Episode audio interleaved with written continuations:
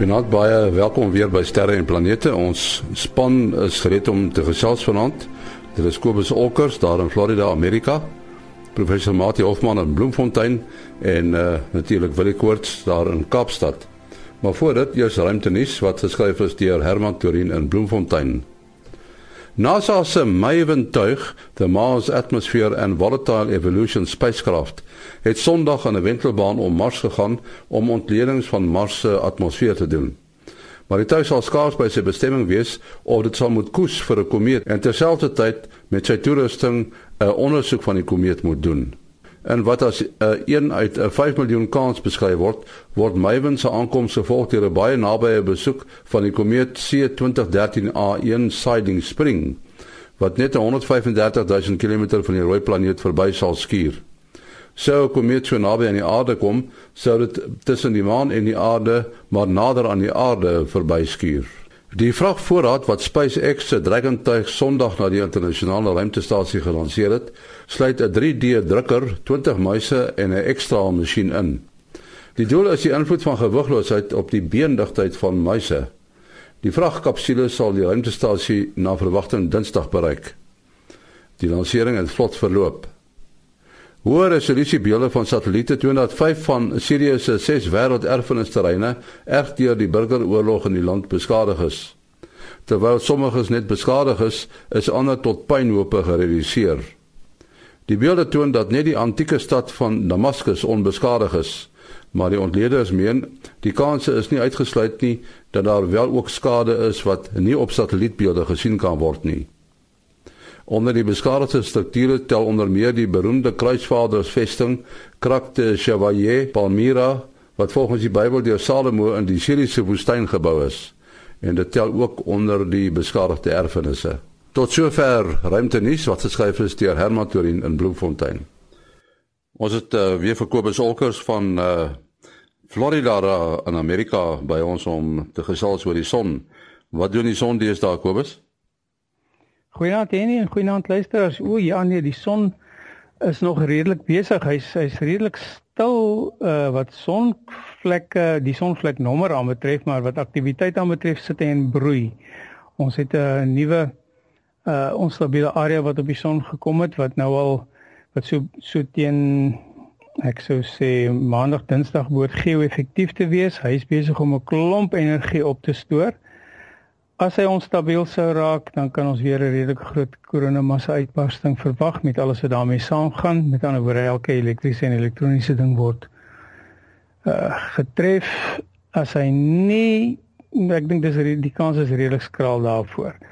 Ehm um, so ons ek dink ons kan onsself maar voorberei vir 'n week met 'n bietjie interessantheid. Ons het definitief nou al van Vrydag af die effek van 'n koronagat gevoel. Ehm um, en ons behoort dit nog te voel tot so môre oormôre se koers toe. En dit is natuurlik nou net van toepassing vir ons mense wat in die in die langafstand kommunikasiebedryf is. Hulle sal daardeur geaffekteer word.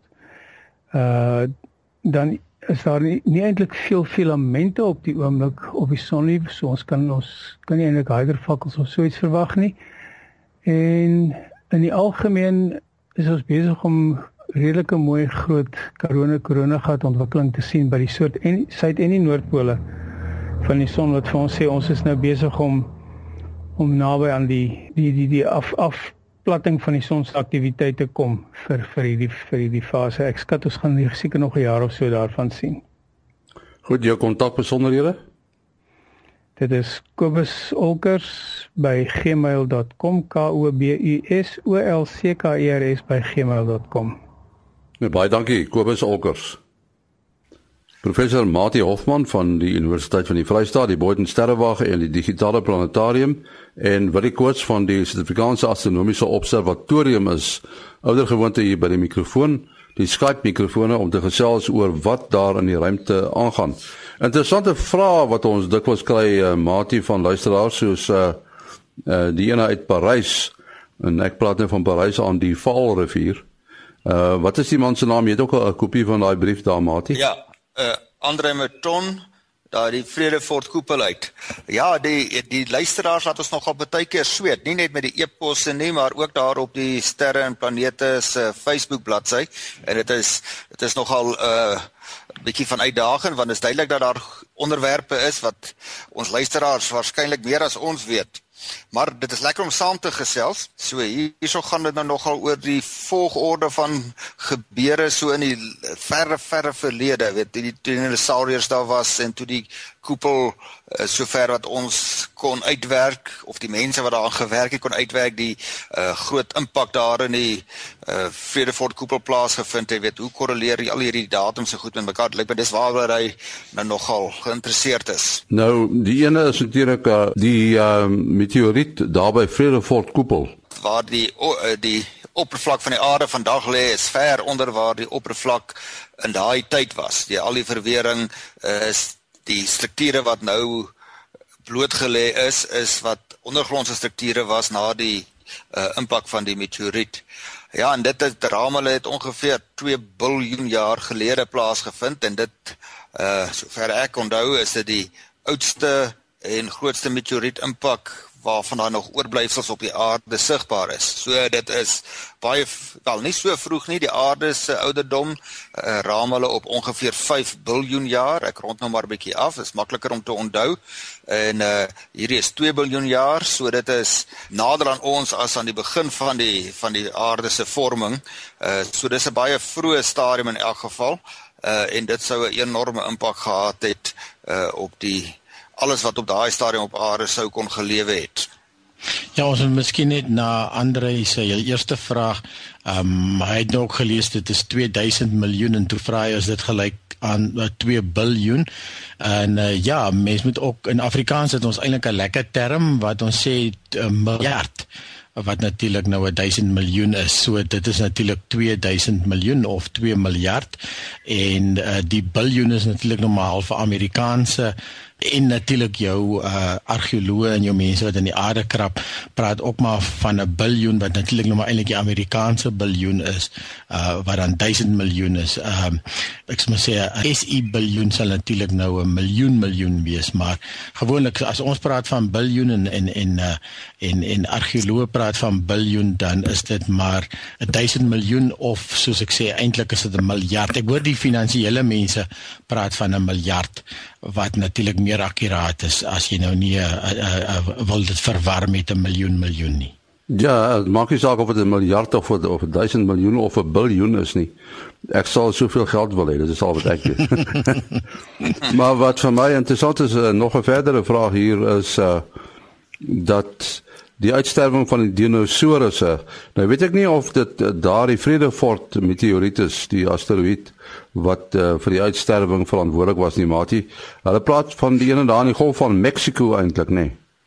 Ja nee, die dinosauriërs het baie lank gelede geleef, maar baie meer onlangs as wat die Vredefort impak uh plaasgevind het. Wel, ek het dit nou nie self gemeet nie. Mens lees mos nou maar wat die literatuur daaroor skryf en breedweg verstaan ek die metodes wat hulle gebruik.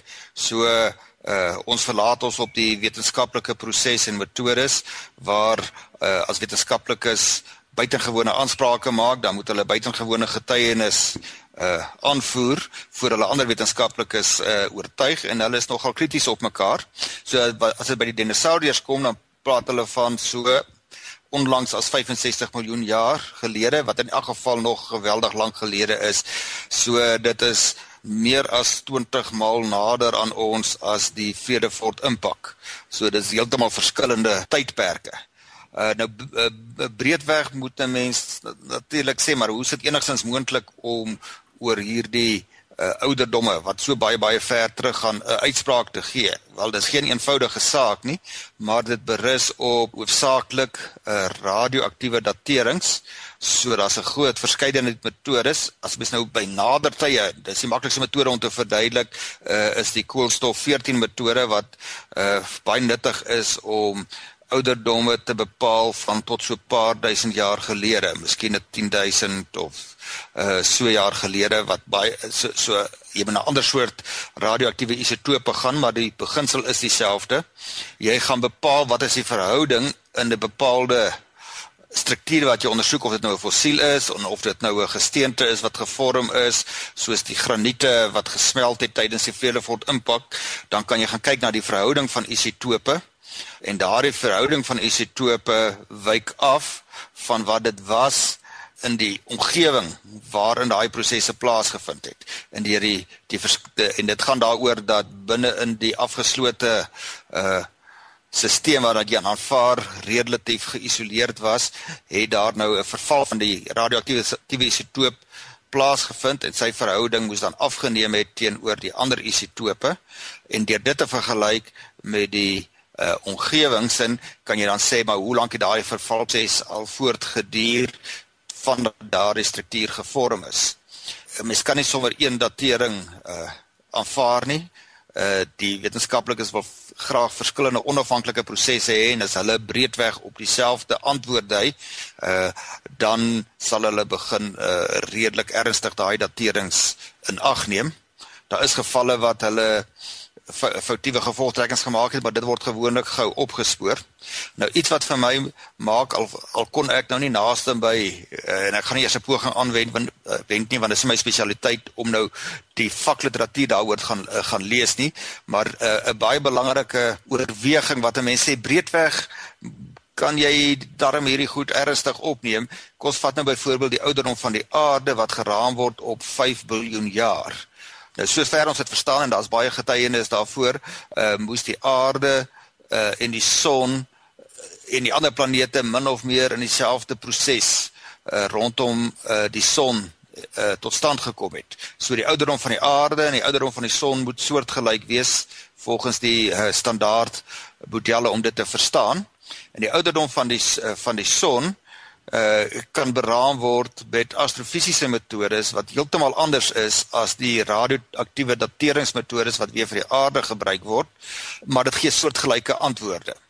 So dit is nou wat jy sê, maar dan beteken dit dit kan nie sommer maklik net as nonsens afgemaak word nie.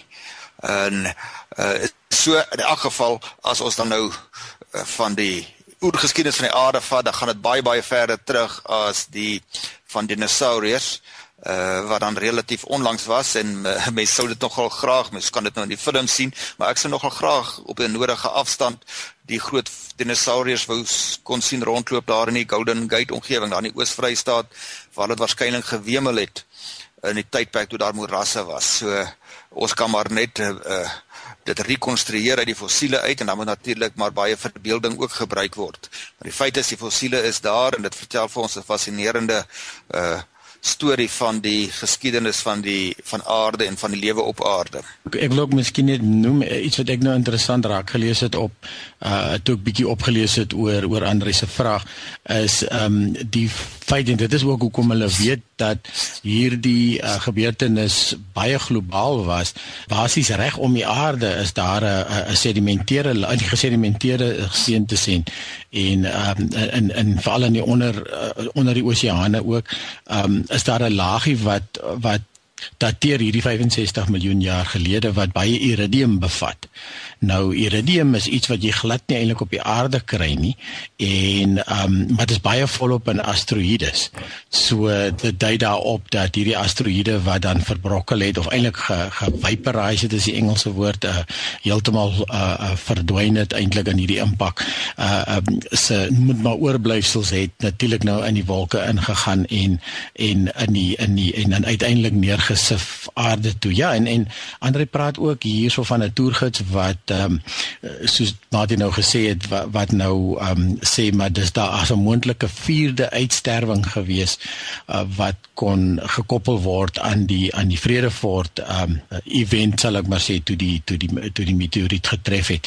Uh, dit is interessant uh, daar is sover dit my lyk was daar vyf groot uitsterwings bekend maar van die laaste die die dinosourus 65 miljoen jaar gelede was.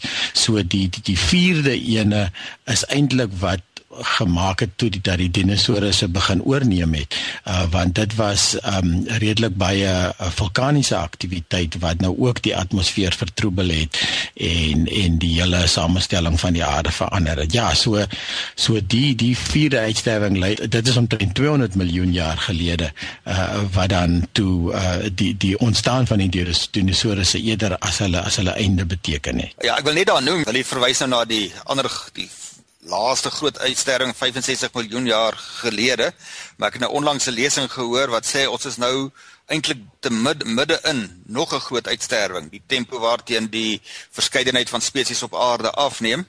As ons nou in terme van 65 miljoen jaar praat, dan is 'n miljoen jaar relatief kort. So as 'n 'n uitsterwing 'n miljoen jaar gaan duur, dan gaan jy nie sommer die gewone mens gaan dit beslis nie agterkom nie, maar die mense wat nou uh in besonderhede die verskeidenheid van lewe op aarde bestudeer en uh of hulle besig is om in getalle toe te neem of af te neem kan sulke gevolgtrekkings maak en die lesing was nogal oortuigend geweest. Uh ek kan nou nie die naam van die persoon onthou nie, maar was iemand geweest van die Nasionale Museum hier in Bloemfontein. Ons moet dalk meer bewus wees wat op hierdie stadium in die geskiedenis van lewe aan die gang is. En wel, die vraag is altyd kan ons 'n verskil maak daaraan of nie? Daar's groot natuurlike prosesse waaroor ons geen beheer het nie, soos wat op die son aangaan. Uh maar waar ons 'n verskil kan maak ten opsigte van klimaat en die effek daarvan op uh op aarde moet ons sekerlik maar die uh ons verantwoordelikheid ten volle nakom. Ja, en dan wil ek nou sommer na iets heeltemal anders spring, Willie. Jy het seker gesien dat ehm um, dat SpaceX is nou weer uh op pad na die uh internasionale ruimtestasie, maar dat daar uh 'n toekenning gemaak is aan SpaceX en die Boeing maatskappy, het gesien? Uh ek het nie van die toekenning self gesien nie. Ja, ek het nou net 'n uh, uh, uh, video uh, gesien van die van die lansering en dan die klompie muise en 3D drukker wat hulle saamgevat het. Nee, so ek is nogal nie bewus gewees van die van die toekenning nie. Mens sal dit die aard van die saak verstaan want ek moet SpaceX het daarom in vergelyking met sy teenstanders uh van 'n maatskappy wat nou 20 jaar oud is, het hy 'n uh, maatskappye wat 30, 50 jaar in die, in die aan nou daarom nog nie so heeltemal nie, maar maar baie langer in die in die uh um in die bedryf is van 'n ruimte heeltemal heeltemal uitgestof en dit is natuurlik nou 'n bootjie van Pretoria uiteindelik, né? Nee. Dis reg. Ja, ek dink die ja. die toekenning was vir die ehm um, die kapsule waar mense nou moet reis. Met ander woorde SpaceX gaan van die goed maak en natuurlik Boeing. Ja, hulle het die kontrak uh, gekry vir bemande sendinge na die uh internasionale ruimtestasie vir die tydperk wat kom. Ek is seker of dit al in 2015 begin nie. Maar daar was 'n hele paar sterk kompeteerders in die tenders gewees, so dit is sekerlik 'n groot prestasie en baie werd vir hulle. Ja, en en dan uh, moet ons net oor iets anders praat. Uh, wil jy jy het gesê uh, daar was iets soos 'n uh, gasskil om een of ander ster.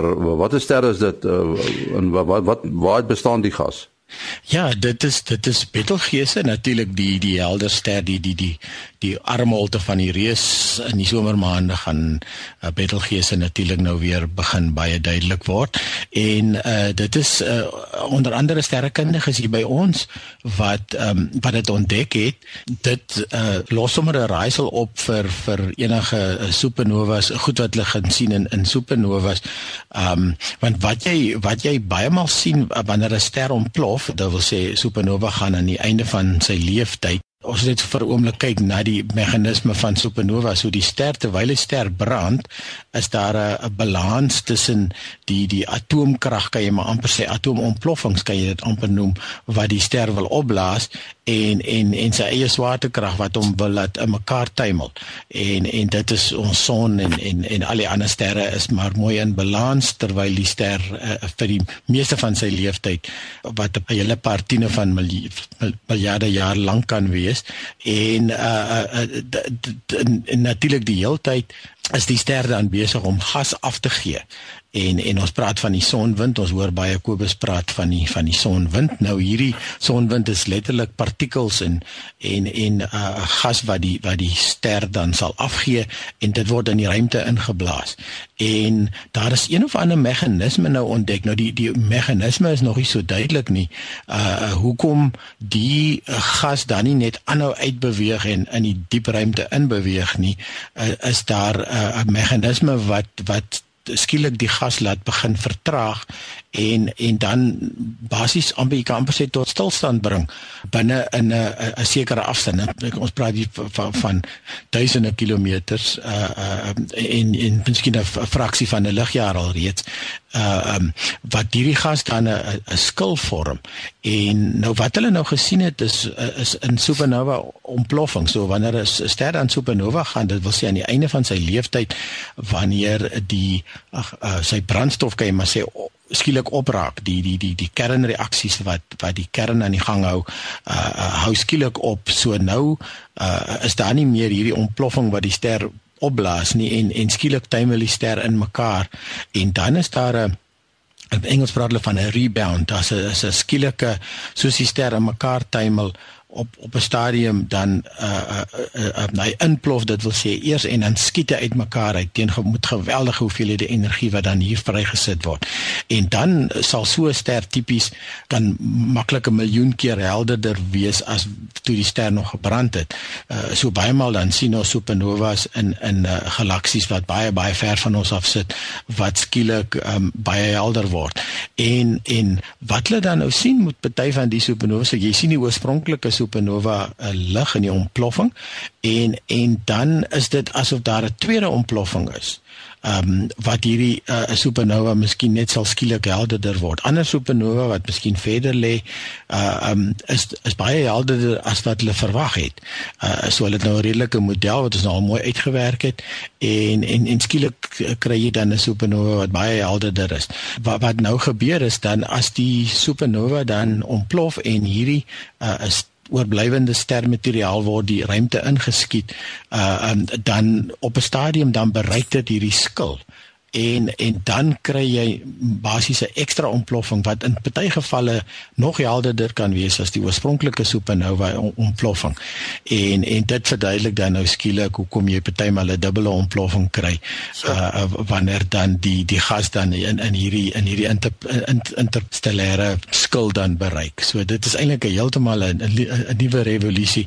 Nou moet hulle nog net die uh, meganisme uitwerk hoe hoe hoe kom hierdie gas dan nou loopstil hou en en dan die skil vorm. Ja, nee, ja, en nee, dit uh, laat my nou kop krap hierso want daardie skil wat Willie van praat, die praat die digtheid moet tog baie laag wees.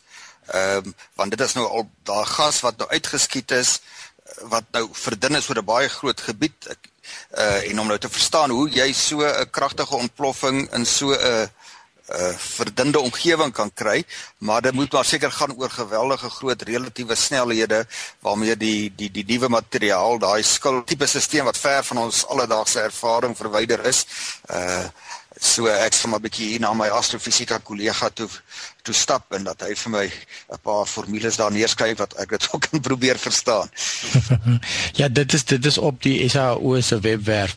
Uh is dit nog al een van die nuusitems so jy hierdie artikel daar wil lees. Ja, ja, hierdie hierdie gas uh, beweeg eintlik teen uh, 'n hele paar kilometer per sekonde en en dan en hulle praat van iets so tot 35% van die ster se massa wat uiteindelik in hierdie skil lê. So dit is nog al 'n hele klompie massa, maar soos jy sê dit is baie baie uit uitge uit uitgerek of uitverdun op daardie stadium. Verduidelik net weer vir ons, wat is 'n supernova? Dit, dit gaan oor 'n eindstadium van sterre wat groot genoeg is. Ons son is nie massief genoeg nie, maar as die massa van 'n ster 'n paar keer die massa van die son is of selfs baie groter, dan is hy kandidaat om supernova te gaan.